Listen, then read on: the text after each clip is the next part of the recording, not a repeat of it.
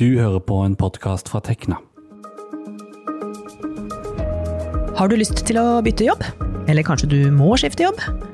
Hvordan kan du gjøre deg attraktiv og nå fram i søknadsbunken dersom du søker deg til en annen bransje eller en annen type stilling enn du normalt er kvalifisert til?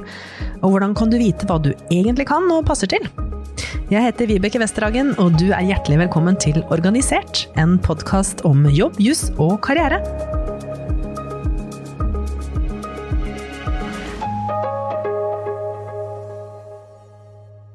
I dag skal du få noen råd fra en erfaren karriereveileder og ekspert på personlighetstester, men aller først skal du få høre om en spennende ny karrieremedlemsfordel som lanseres av Tekna i løpet av ikke så altfor lenge. Eli Haugerud, du er fagleder for innovasjon i Tekna og prosjektleder for Teknas nye karrierekompass. Kan ikke du fortelle oss hva er Karrierekompasset? Jo, takk for det. Det er uh, ganske spennende å forklare hva Karrierekompasset er. Det er egentlig en helt ny og annerledes tjeneste som vi tilbyr til uh, medlemmene våre nå. Og det er noe vi skal teste og levere litt utover våren og, og høsten. Hele tanken bak Karrierekompasset er egentlig at eh, basert på andre medlemmer, sin erfaring og bakgrunn og sånn, så kan du som Tekna-medlem få inspirasjon og oversikt over hvor hvor de eh, jobber. Så Vi tar utgangspunktet i andre medlemmer for at du som Tekna-medlem skal få best, et best mulig bilde og inspirasjon. Hvor kan jeg med min bakgrunn passe? Så det er hovedtanken bak eh, Karrierekompasset. Ja. Og, ja. Mm, så det blir en slags sånn stifinner, liksom?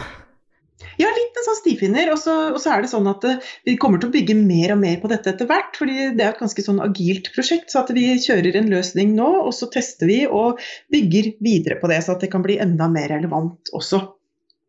Hvor er det man vil finne dette verktøyet da, når det kommer på lufta? Det blir liggende på Tekna sine sider, på tekna.no, bak innlogga. Og, og, der kan du finne det og, og, begynne å ta det i bruk. Så vi gleder oss til å få lansert dette her. Men det tar nok fortsatt litt tid før vi er helt klare. Ja. Dette hørtes ut som et eh, kjempefint og nyttig verktøy som mange kan få glede av. Tusen takk til deg, Eli Haugerud i Tekna. Jo, takk.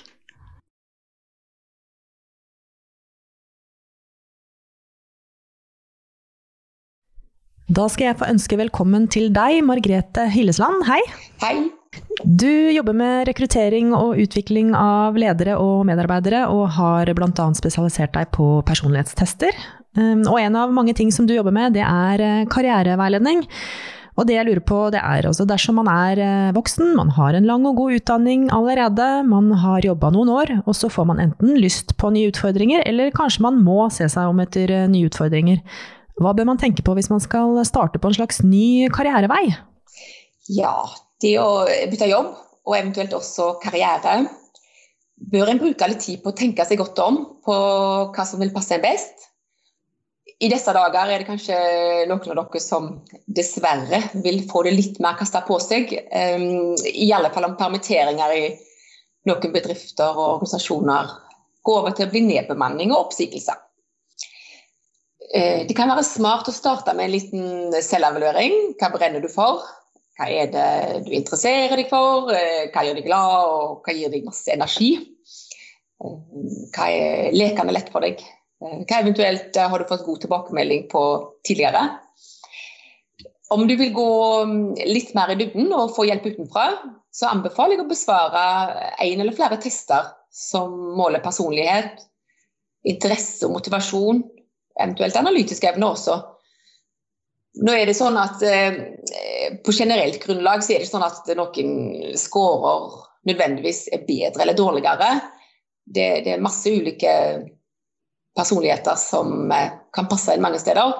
Men samtidig så er det enkelte personlighetstrekk som er mer eh, passende i enkelte yrker. Enkelte stillinger og også kanskje organisasjonskultur. Da. Eh, det er jo viktig også at du skal passe inn og trives. Um, så er Det sånn at det finnes jo en god del gratis tester på nettet, men de aller fleste av de måler dessverre ikke nøyaktig nok. Så vær litt obs på det hvis du velger å ta deg, eh, for du kan ofte ende opp med et resultat som er litt misvisende. Så kan det ofte være vanskelig å tolke en testrapport sjøl også. Så jeg anbefaler å bli testa med anerkjente tester og få tilbakemelding av en som kan testene godt. Og da også eh, kanskje ha en samtale med noen som kan, kan masse om ulike yrker og organisasjonstyper.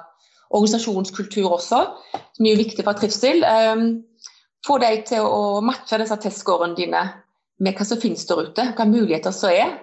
Um, karriereveileder, psykolog eller coach. Um, det finnes mye der ute, så det er bare til å lete. En annen ting som kan være smart, og, og som også ikke koster deg mye, det er å henvende deg til personer som arbeider innenfor et spesifikt yrke eller en bransje som du er litt nysgjerrig på. Ehm, eller kanskje en organisasjon som, som du eh, har hørt mye bra om, eller som du er litt nysgjerrig på. Så ta kontakt med en der. Eh, By gjerne på en god kopp kaffe eller en lunsj da, for å høre om de har tid til en liten halvtimes prat, f.eks. Ehm, jeg opplever ikke at det er så mange som gjør dette, så eh, jeg tror nok at du vil få positivt svar fra de fleste. Ehm, eventuelt hvis du, Ja, det krever kanskje litt ekstra mot å gjøre det, så hvis du syns det er veldig vanskelig, så se, se rundt deg da, på folk du kjenner, uh, og ta en prat med noen som kanskje jobber i en organisasjon som du syns er spennende, eller innenfor en annen bransje. Ja, da kan jeg legge til at eh, f.eks. i Tekna så har vi mange tillitsvalgte rundt omkring i bedriftene. og Der uh, er det jo faktisk mulig som Tekna-medlem å henvende seg direkte til en tillitsvalgt f.eks. For, for å få informasjon om en bransje eller en bedrift. Da. Men du nevnte sjølevaluering og, og, det å prate med noen som kjenner deg godt. Hvordan kan man, uh, hvordan kan man gå fram i praksis? Ja, så Eh, på en selvevaluering da, så det er viktig også, også kanskje starte med å gå gjennom de valg du har tatt opp til nå. Eh, mange har nok dessverre gått litt halvblinde når de i ung alder eh, valgte karrierevei. Eh, de færreste tenkte gjennom hvordan arbeidshverdagen skulle bli. Eh, kanskje det var litt sånn ubevisst, og en valgte samme utdannelse og yrke som, som bestekompisen eh, vennegjengen. Eh, Si f.eks. at du har en god venn eh, som vil bli revisor, og det blir veldig rett for han eller henne som er veldig glad i tallet, kanskje hadde lett for tallfag. Eh, og kanskje òg en som liker litt rutine og liker å jobbe individuelt. Men så viser dette seg å bli helt feil for deg.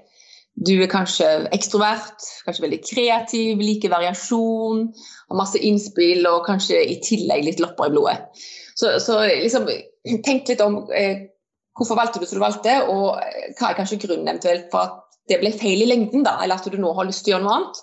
Eh, det som vi også ser en del, da, så kanskje noen kjenner seg igjen på, at eh, jeg var god på skolen da. Eh, og det gjelder sikkert for mange av dere Tekna-medlemmer som har høy utdannelse, kanskje hadde lettere utdannelse.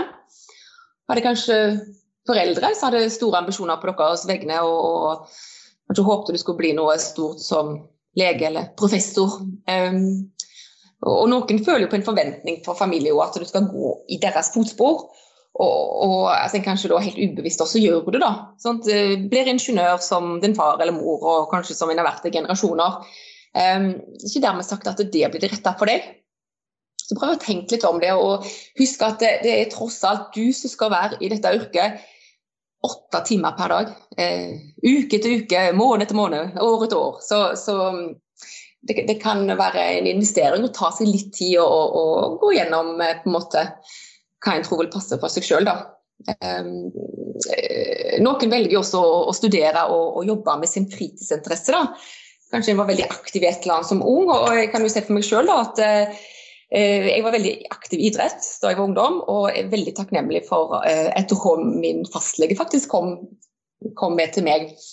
Han spurte hva jeg skulle bli, eller hva jeg ville studere, og jeg sa at ja, jeg har lyst til å studere idrett. Og så får vi idrettshøyskolen eller noe sånt. Eh, og så sier han åh, jeg er så lei av alle deres idrettsfolk som aldri skal studere idrett. Det finnes så masse spennende yrker der ute.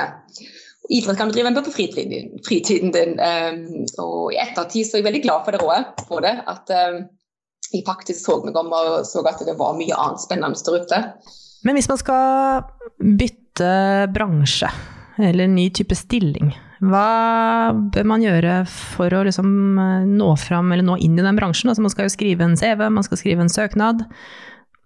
Bør man ha mange varianter av disse her, eller hvordan bør man, eh, hvordan bør man eh, gjøre seg lekker for en ny bransje?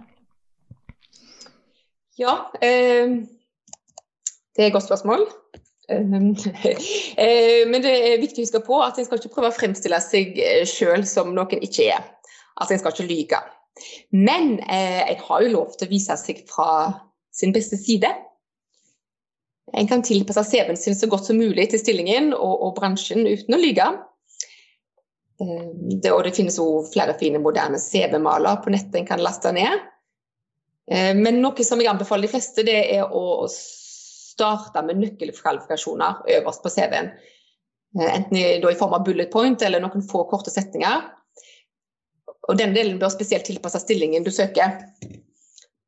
Du kan eh, kanskje plukke opp noen av ordene eller kvalifikasjonskravene fra stillingsutlysningen og legge de inn under da, nøkkelkvalifikasjoner på CV-en. Men, eh, men, som sagt, en skal ikke lyge, så det må være reelle kvalifikasjoner du har. Eh, det betyr, men det betyr ikke at du må være ekspert på det. Men du kan enten jobbe litt med det. Det kan være f.eks. prosjektledelse, så du kan skrive som bullet point. Det kan være noe fra utdannelsen, f.eks biologi, eller noe med din personlighet. Ehm, kanskje du mener at du er en teamplayer, som var kanskje noe de spurte om i stillingsutlysningen. Og ehm, om du deretter velger å ha erfaring eller utdannelse først på CV-en, eh, kommer litt an på kanskje om du har noe særlig arbeidserfaring.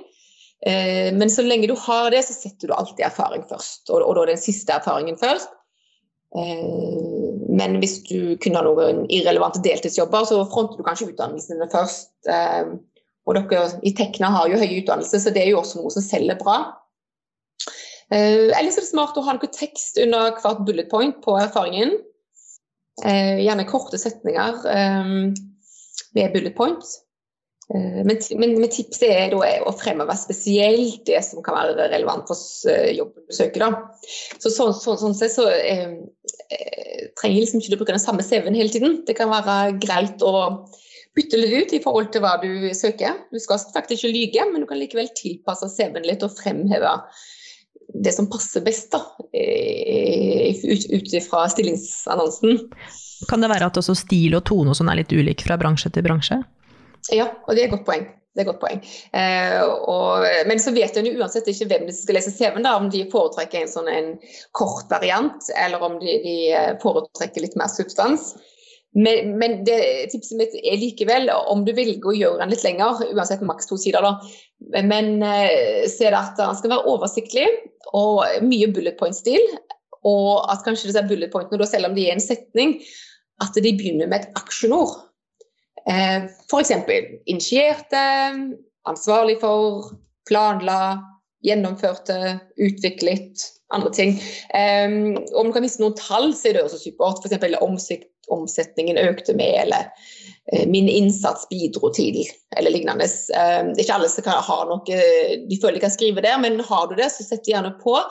Og da er det sånn at det, de som leser CV-er, de leser ofte mange CV-er, og de skumleser før de eventuelt velger seg ut noen, eh, og da kanskje leser de litt mer grundig. Og da er det viktig at du liksom bare har disse actionordene, og hvis flere av de actionordene er liksom litt sånn energi i de, og at de passer også inn eh, i forhold til stillingsutlysningsteksten der de spør etter, så har du jo større sjanse for å komme videre. Mm. Men en ting er jo at man setter seg ned og, og, søker på en stilling som man kanskje lurer på om man er kvalifisert til eller ikke. Man er kanskje litt usikker. Men fins det faktisk sjefer og bedrifter som tar liksom kreative sjanser ved å ansette folk som ikke passer helt inn i folden? For det er jo ganske, altså, de er jo veldig spesifikke ofte, disse stillingsutlysningene. Ja, eh, det er jo det. Men eh, så fremt det ikke er en stilling hvor en må ha en spesifikk utdannelse, som type lege, jurist, psykolog, revisor etc., så opplever jeg at mange arbeidsgivere i dag er ganske åpne, så fremt en viser til at en har tatt høyere utdannelse. Så der stiller jo dere i Tekna veldig bra. Men opplevelse opplever seg at eh, det er en del år nå åpner mye mer opp for både offentlige og private organisasjoner å ta inn personer som eh, ofte kan bli litt outsidere i mange stillinger. Som ja, det kan være filosofer, antropologer, historikere, matematikere, eh, som tas inn i stillinger hvor en før typisk ansatte bare økonomer, ingeniører, statsvitere, jurister. Eh, og at en begynte å se litt mer verdien av hva de kan bringe inn. Eh, og da skal en kanskje typisk inn i et team som allerede har flere med det som vil være den typiske utdannelsen i det teamet. Eh, si f.eks. en avdeling som jobber med strategi. De har allerede mm, flere med utdannelse innenfor strategi og økonomifag, og ønsker nå å få noe som kan bidra med noe ekstra. At noen som kan se verden og framtiden fra et perspektiv da, som blir litt mer fremmed fra de som en allerede har i team i dag. Eh, som vil bidra med noe mer unikt. Og da, hvis en liksom er på utkikk etter å, å, gjøre noe nytt og litt endring, og en opplever at en har kanskje ikke helt rette bakgrunnen, så, så, skal en liksom ikke fortvile av den grunn, men en må liksom prøve å eh, gjøre seg eh, fly da, med CV og søknadsbrev, og så forberede seg til intervju. da, Og vise hva er det jeg har å by på som er, er unikt, og som mm. dere kan trenge. da. Mm. Men du, hva skal man tenke mm. da, eh, når man ikke kommer på intervju? Det er jo ofte sånn når man søker at man ikke nødvendigvis går gjennom nåløyet med en ja. gang, liksom. Ja.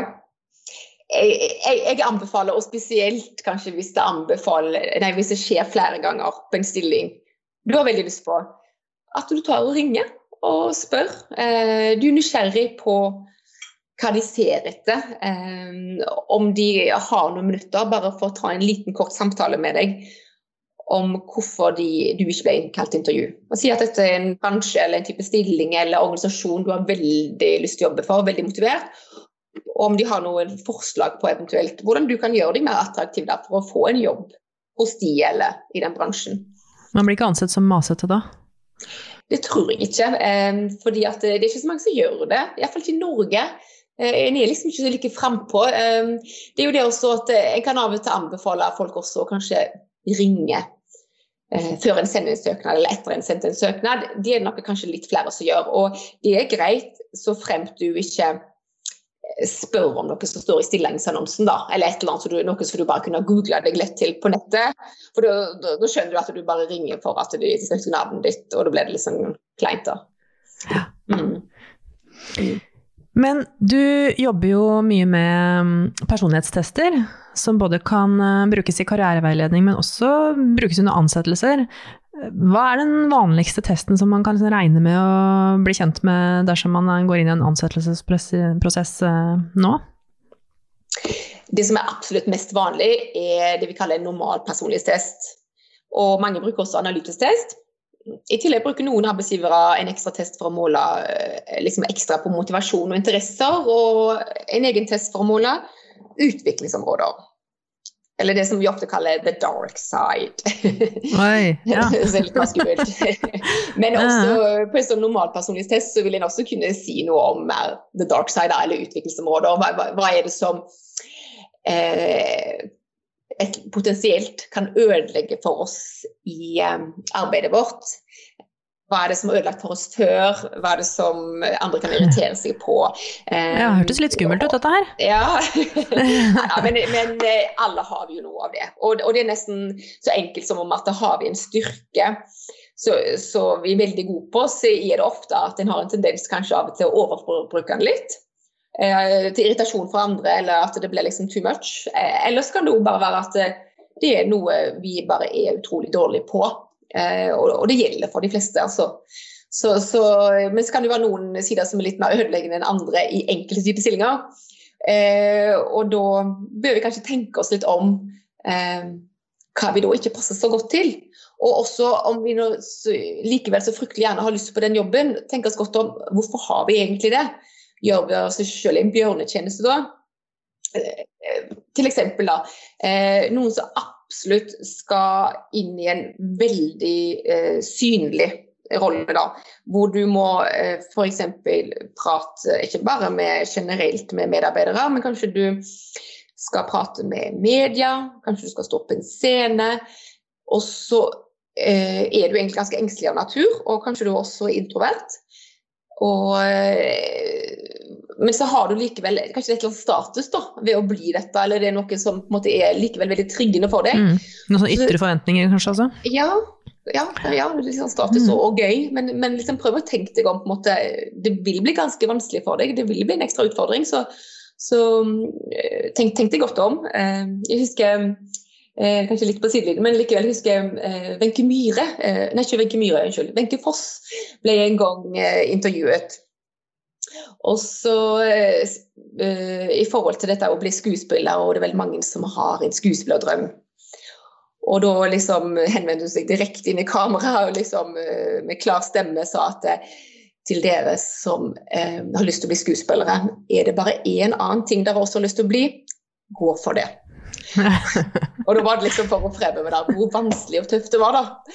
Så, mm. så um, det er noe med det også. Med liksom den der, ja, det kan være familie-jobb-balansen også, at en skal tenke seg litt om, da. Mm. Men hvilke faktorer er det den, der, den, vanligste testen, er det, hva er det den tester på? Ja, eh, så normalpersonlighetstest. Eh, de måler type på fem eh, hovedfaktorer. Det er bygget på en eh, teori som ofte kalles eh, Big Five. Ja, nettopp. Mm. Mm, eh, som du har hørt om det. Eh, det er mange som kjenner det litt gjennom Harald Eia, som har en podkastserie på NRK, 'Sånn er du', sammen med mm. Nils Brenna. Den er kjempeartig. Ja, og den er ganske morsom. Så, så, for dere som vil ha litt mer innspill på liksom, hva dere eventuelt kan bli utsatt for i en dere skal veldig utsatt for, kanskje feil å si det, men hvordan en tilbakemeldingssamtale kan være. Og aldri har gjort det før og er litt spent og engstelig for det, så ta gjerne og hør noen episoder med, med Sånn er du. Ja. Mm. ja. den kan anbefales. Den er mm. underholdende. Mm. Men det er også eh. ganske skummel, da. Er det jo, man jo Det er flere som får seg en overraskelse der. Ja, det, det, ja, jeg har hørt på noen av disse episodene, og jeg ble litt overrasket sjøl òg. For det er jo ofte kjente folk, folk de, de har testa. Uh, og av og til så Vi ser jo bare et eller annet glansbilde i media, ikke sant? og vi får en eller annen forventning om at det, sånn er de. Men, men, så har de kanskje ting de strir med, de også, som en kanskje ikke nødvendigvis hadde tenkt. Sånn så vi ser de i media, da. Uh, og, og, i denne her en uh, Big Five-teorien, da, normalpersonlighetstesten, så sannsynligvis også dere Tekna-medlemmer i den testen ikke nødvendigvis akkurat lik den som er hos Harald Eia og de, eh, men med en tilsvarende. Da er det fem faktorer eh, dere vil bli testa på, sannsynligvis. Og eh, de blir ofte kalt for åpenhet for erfaring, er en faktor. En heter planmessighet. En heter ekstroversjon. En heter medmenneskelighet, og en heter nevrotisisme. Ja. og den siste faktoren der, det er jo liksom litt, litt mer den angstfaktoren, da, som, som man kan synes både er litt sånn spennende og skummelt. Um, og eh, det er kanskje også den faktoren hvor det er vanskeligst å finne like mange positive sider både på høy og lav score.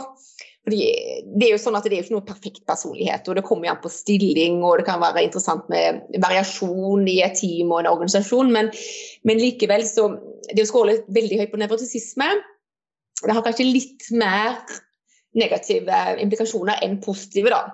Selv om det er positive implikasjoner med det også. Um, og um, det som, det som kjennetegner en som scorer høyt på nevrotisisme, er kan både være at du har um, litt mye temperament, kanskje litt sånn kort lunte. Viser litt irritasjon og sinne. Eh, for den som er litt mer introvert og, og kanskje tenker litt mer enn kan snakke, det er ikke alltid det vises like mye som hos en ekstrovert. Hos en ekstrovert vises det kanskje enda mer. Eh, og eh, det kan av og til være litt vanskelig å være rundt folk som har kort lunte og mye temperament, fordi vi vet ikke alltid helt hvor vi har dem. Og da kan det være at vi ikke helt tør å si det vi mener, kanskje, for vi er redd hvordan de skal reagere. Det er liksom, Hvilket humør er du i dag, da? Eh, men andre ting med hypernevrotismen, det er det med å engste seg litt. Eh, kanskje være mye bekymra. Ting en har gjort, ikke har gjort, eller burde gjort, eller skulle gjort. Eh, og det kanskje en går og er litt sånn skeptisk og det er vanskelig å ha tillit til alle. og litt sånn, En kan kanskje være litt eh,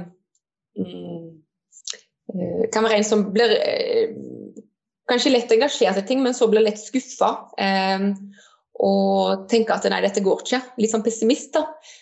Eh, så, sånn at det, det, det, er ikke alltid så enkelt for den som har den scoren sjøl. For noen så er det mest en klump i magen.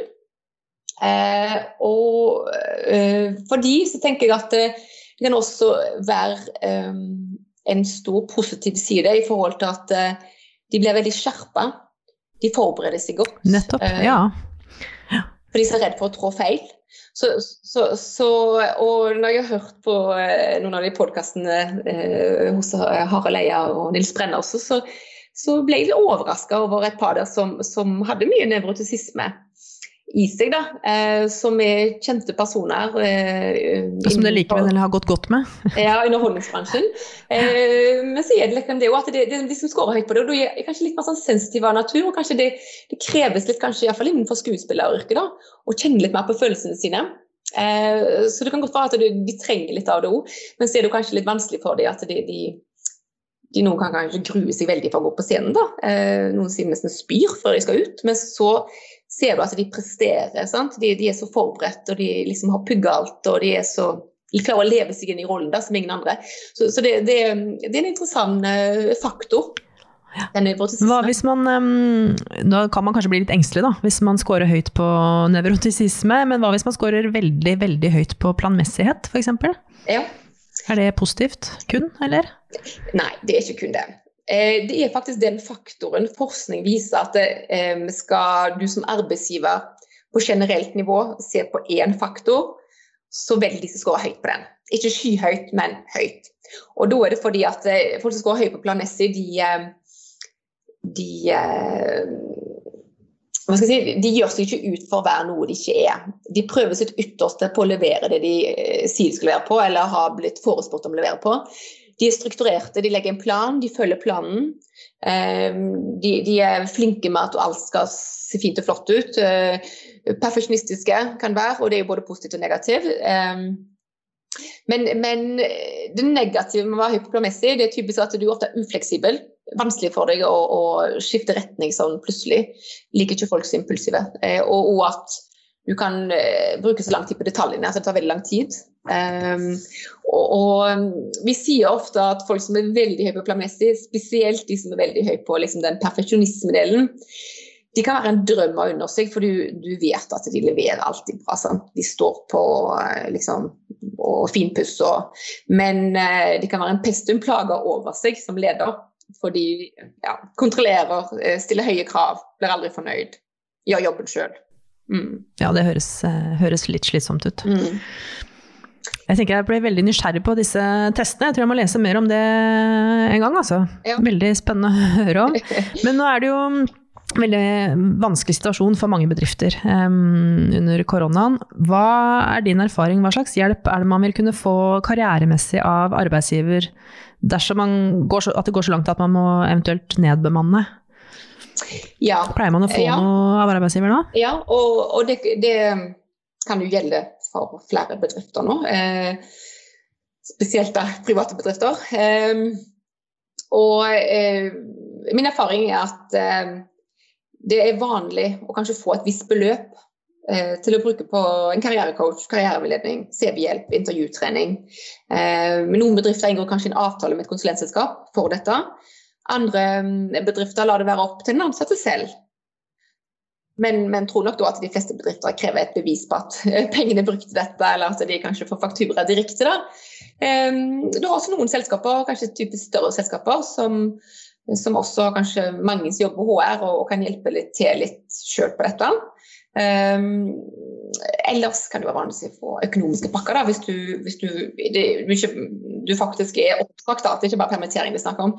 Um, hvor, hvor, du selv, hvor det enten er satt av spesifikke penger til karriereveiledning, eller at du kan velge sjøl om du vil bruke noen av de pengene på dette. Ja. Da håper jeg at du som har lytta på, har fått med deg noen gode innspill. Tusen takk for at du kunne stille opp her, Margrethe Hillesland. Dersom du har tenkt å søke en ny jobb, gå gjerne inn på jobbsøkerportalen til, eh, til Tekna. Den finner du på tekna.no. Der finner du mange gode verktøy og tjenester. Husk at du veldig gjerne kan sende oss tips til temaer som du vil høre om i denne podkasten. Det kan du gjøre til, til podkast.krøllalfatekna.no. Tusen takk for at du hørte på. Dette har vært en podkast fra Tekna, en fagforening for deg med mastergrad i naturvitenskap, realfag eller teknologi. Les mer om oss på tekna.no.